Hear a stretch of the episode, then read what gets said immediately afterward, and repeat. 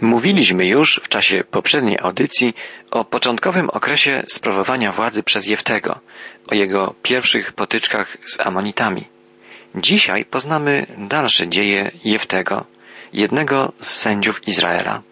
W drugiej części jedenastego rozdziału Księgi Sędziów w dwudziestym dziewiątym wierszu czytamy Duch Pana był nad Jeftem, który przebiegał dzielnice Gileadu i Manasesa, przeszedł przez Mispa w Gileadzie, z Mispa w Gileadzie ruszył przeciwko Amonitom.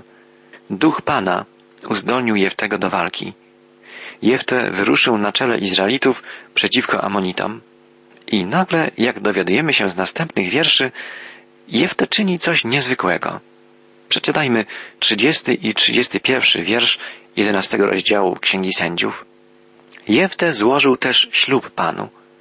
Jeżeli sprawisz, że Amonici wpadną w moje ręce, wówczas ten, kto pierwszy wyjdzie od drzwi mego domu, gdy w pokoju będę wracał z pola walki z Amonitami, będzie należał do Pana i złożą z niego ofiarę całopalną. Jefte zgoda przed Bogiem zdumiewający ślub. Zdumiewający dlatego, że Jefte zobowiązuje się do złożenia Bogu ofiary, której kategorycznie zabraniało prawo mojżeszowe. Ofiary z ludzi były przez Boże prawo surowo zakazane. Znane były natomiast w kulcie religijnym Kananejczyków. Jefte był w połowie poganinem. Jego matka była poganką, prostytutką. Prawdopodobnie uprawiała kultowy nierząd. Ale Jefte poznał przecież Pana, Boga Izraela. Duch Pana był nad nim, jak czytaliśmy. Jego ojciec był Izraelitą. Pan prowadził Jeftego do boju z Amonitami. Dlaczego więc podjął on przed Bogiem tak nierozważne i niepotrzebne zobowiązanie? Jefte jeszcze niedawno był odrzuconym przez swój naród bękartem. Nagle znalazł się na samej górze drabiny społecznej. Całe lata spędził na wygnaniu, a teraz wyniesiono go na tak wysoką i odpowiedzialną pozycję. Było to z pewnością dla tego człowieka coś bardzo niezwykłego i coś ekscytującego. W takich okolicznościach łatwo popełnić w emocjach coś, co okazuje się potem, gdy spokojnie się tę sprawę rozważy, błędem. Ślub Jeftego był zupełnie niepotrzebny. To Bóg wyniósł Jeftego do pozycji przywódcy narodu i to Pan przygotował dla niego zwycięstwo nad wrogiem. Czytaliśmy, iż duch Pana był nad Jeftem i Jefte nie musiał tu niczego więcej dodawać. Wyruszył więc Jefte, czytamy dalej, przeciw Amonitom, zmuszając ich do walki. I Pan wydał ich w jego ręce. Rozgromił ich na przestrzeni od Areoru aż do okolic Minit, co stanowi dwadzieścia miast, i dalej aż do Abel-Keramim. Była to klęska straszna. Amonici zostali poniżeni przez Izraela. Bóg darował Izraelowi wielkie zwycięstwo, ale Jefte przeżyje osobistą tragedię. Gdy wracał Jefte do Mispa, do swego domu, oto córka jego wyszła na spotkanie, tańcząc przy dźwiękach bębenków. A było to dziecko jedyne. Nie miał bowiem prócz niej ani syna, ani córki. Ujrzawszy ją, rozdarł swe szaty, mówiąc, Ach, córko moja, wielki ból mi sprawiasz. Tyś też wśród tych, co mnie martwią. Oto bowiem nierozważnie złożyłem Panu ślub, którego nie będę mógł odmienić. Czy Jefte złożył Bogu w ofierze swoją córkę? Do dzisiaj trwają dyskusje na ten temat. Osobiście wierzę, że nie. Tekst hebrajski ślubu Jeftego można przetłumaczyć w następujący sposób. Ten, kto pierwszy wyjdzie od drzwi mego domu, gdy będę wracał z pola walki z Amonitami, będzie należał do Pana, albo złożę ofiarę całopalną. Jefte zobowiązał się poświęcić córkę Panu co oznaczało poświęcenie jej życia całkowicie służbie dla Pana. Musiała wyrzec się życia rodzinnego, musiała pozostać dziewicą, nie mogła założyć własnej rodziny, cały swój czas i wszystkie siły miała oddać do dyspozycji Bogu. Dla Jeftego oznaczało to zrezygnowanie z planów rodzinnych także. Jako syn prostytutki z pewnością liczył na to, że jego jedyna córka założy pełną rodzinę, że będzie szczęśliwa, i że uszczęśliwi też jego, dając mu wnuki. Z tych planów musiał Jefte zrezygnować. Przeczytajmy końcowy fragment jedenastego rozdziału Księgi Sędziów. Odpowiedziała mu ona, Ojcze mój, skoro ślubowałeś Panu, uczyń ze mną zgodnie z tym, co wyrzekłeś własnymi ustami, skoro Pan pozwolił Ci dokonać pomsty na Twoich wrogach, Amonitach. Nadto rzekła do swego ojca, pozwól mi uczynić tylko to jedno. Puść mnie na dwa miesiące, a ja udam się na góry z towarzyszkami moimi, aby opłakać moje dziewictwo. Idź, rzekł do niej. I pozwolił jej oddalić się na dwa miesiące. Poszła więc ona i towarzyszki jej i na górach opłakiwała swoje dziewictwo. Minęły dwa miesiące i wróciła do swego ojca, który wypełnił na niej swój ślub. I tak nie poznała pożycia z mężem. Weszło to następnie w zwyczaj w Izraelu, że każdego roku schodziły się na cztery dni córki izraelskie, aby opłakiwać córkę Jeftego Gileadczyka. Słowo opłakiwać to w języku hebrajskim słowo celebrować, świętować. Córki izraelskie w szczególny sposób upamiętniały odtąd pełne oddanie się w służbę córki Jeftego. Za taką interpretacją wypełnienia ślubu Jeftego przemawia to, że Biblia nie zamieszcza żadnej krytycznej wypowiedzi o tym człowieku. Gdyby złożył on wbrew prawu Bożemu swoją córkę jako ofiarę całopalną, nie znaleźlibyśmy jego imienia pośród bohaterów wiary wymienionych w jedenastym rozdziale listu do Hebrajczyków.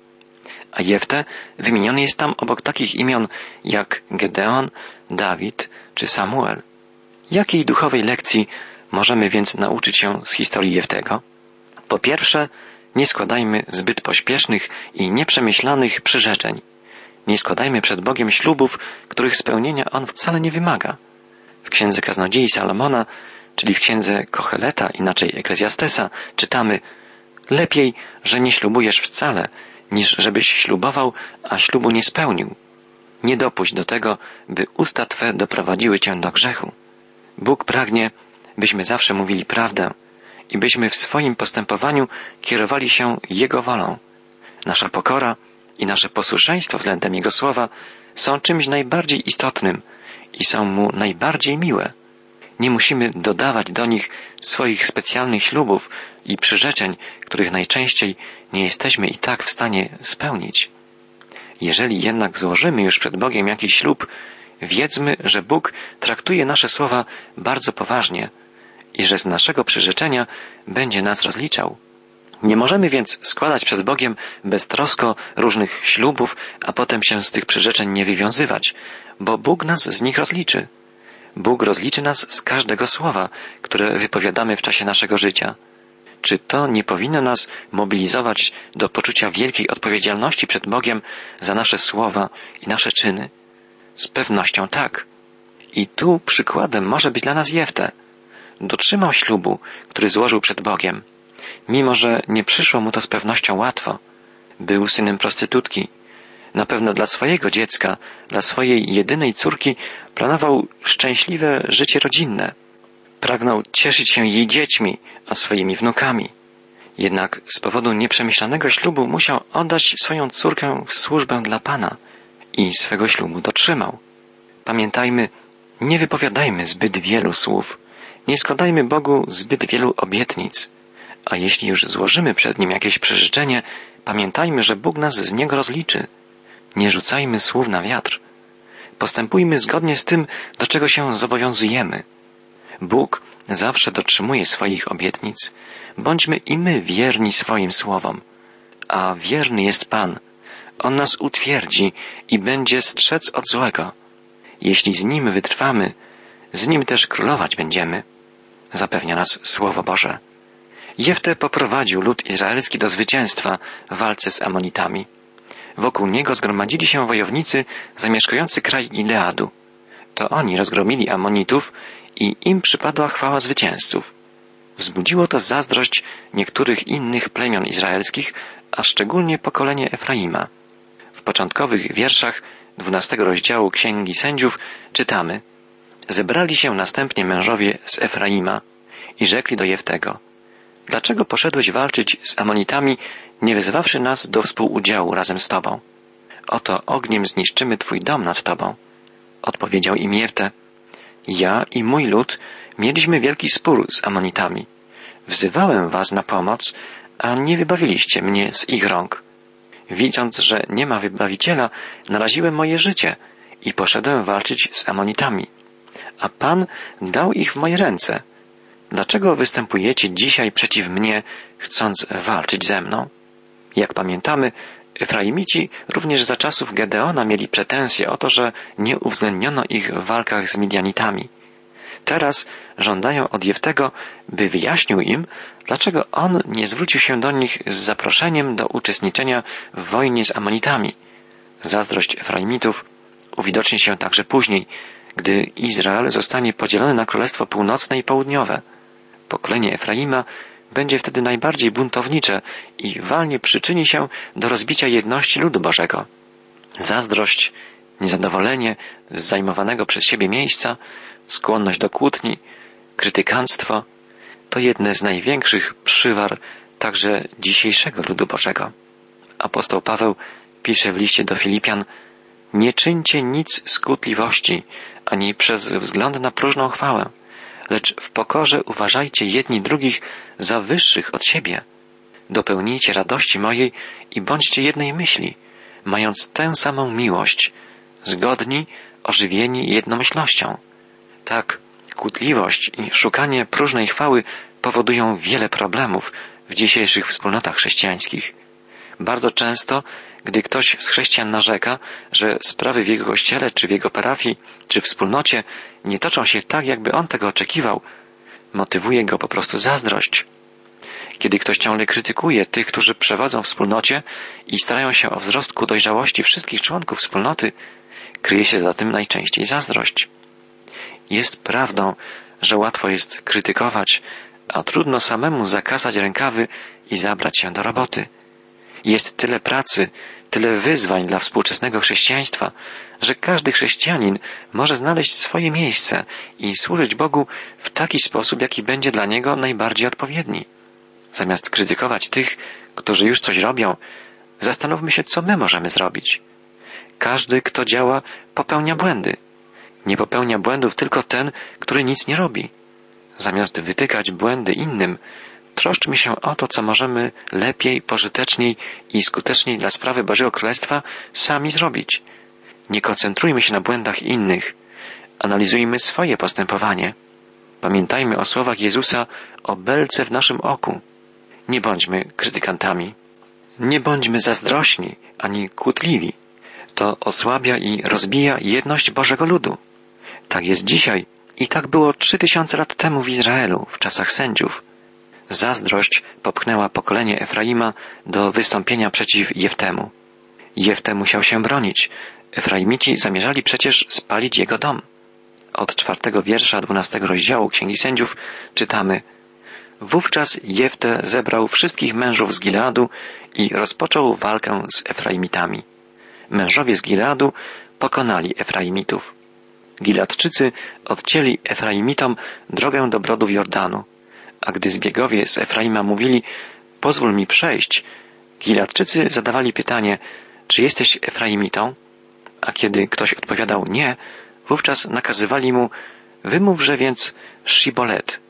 Jeśli rzekł Sibolet, a inaczej nie mógł mówić, chwytali go i zabijali u brodu Jordanu. Tak zginęło przy tej sposobności 42 tysiące Efraimitów. Mieszkańcy Giladu pod wodzą Jeftego pokonali Efraimitów. Uniemożliwili im ucieczkę, odcinając im drogę od miejsc, w których mogliby przekroczyć Jordan. Zatrzymywali każdego człowieka, próbującego się przeprawić przez brody Jordanu i rozkazywali mu wypowiedzieć słowo shibolet, co znaczy kłos. Gileadczycy wybrali to słowo, bo zawierało ono współgłoskę, której Efraimici nie umieli wymówić, bo nie było jej w ich dialekcie. Błąd w wymawianiu dźwięku sz zdradzał pochodzenie efraimskie. Gdy sobie wyobrazimy tę sytuację, może nam się ona wydawać komiczna. Niestety była tragikomiczna, tak jak wiele wydarzeń w naszym życiu. Przy tej sposobności zginęło 42 tysiące Efraimitów, czytamy w tekście. I jest to wielka tragedia. Tym bardziej, gdy uświadomimy sobie, że ci ludzie zginęli w walce bratobójczej, w konflikcie pomiędzy bratnimi pokoleniami izraelskimi. u brodu Jordanu zginęły 42 tysiące Izraelitów. Wojna domowa, bratobójcza walka to wielka tragedia. Jak się rozpoczęła ta walka? Od niezadowolenia Efraimitów, od ich zazdrosnego spoglądania na Jeftego i na Gileadczyków. Jakże niszcząca i tragiczna w skutkach może być ludzka zazdrość.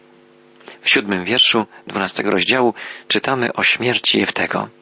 Jefte sprawował sądy nad Izraelem przez sześć lat. Następnie umarł Jefte Gileadczyk i pochowano go w mieście jego Mispa w Gileadzie. Zakończył się krótki, ale obfitujący w wydarzenia okres sprawowania przez Jeftego urzędu sędziego.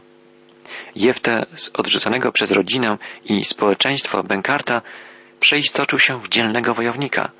Syn Izraelity i prostytutki został przywódcą ludu Bożego. Niewątpliwie stało się to za sprawą Boga i za jego sprawą Jefte uwolnił Izrael od gnębiącego go przez osiemnaście lat okrutnego wroga. Boże działanie jest nieraz zdumiewające. Dowodzi ono, że nie ma dla Boga rzeczy niemożliwych. Oznacza, że nikt z nas nie stoi na straconej pozycji. Niezależnie od tego, co w naszym życiu wydarzyło się w przeszłości, każdy z nas stoi przed wielką szansą. Szansą służenia Bogu, przebywania u Jego boku, doświadczenia Jego mocy i miłości. Nie chodzi tu tylko o odnoszenie zwycięstw, o zwycięstwo w różnych doświadczeniach doczesnego życia, ale chodzi o zwycięstwo w wymiarze ostatecznym, wiecznym. Gdy żyjemy bowiem z Bogiem, stajemy się uczestnikami wszystkiego, czego dokonał Boży Syn, Mesjasz Odkupiciel, Jezus Chrystus. A Jezus zwyciężył śmierć i jest Panem wieczności. Trzej następni sędziowie Izraela, których życie opisuje końcowy fragment dwunastego rozdziału Księgi Sędziów, nie wsławili się żadnym znaczącym czynem, żadnym pozytywnym osiągnięciem. Prawdopodobnie nie zrobili nic pożytecznego, nie sprawowali urzędu sędziego tak, jak powinni. Relacja o nich jest bardzo lapidarna.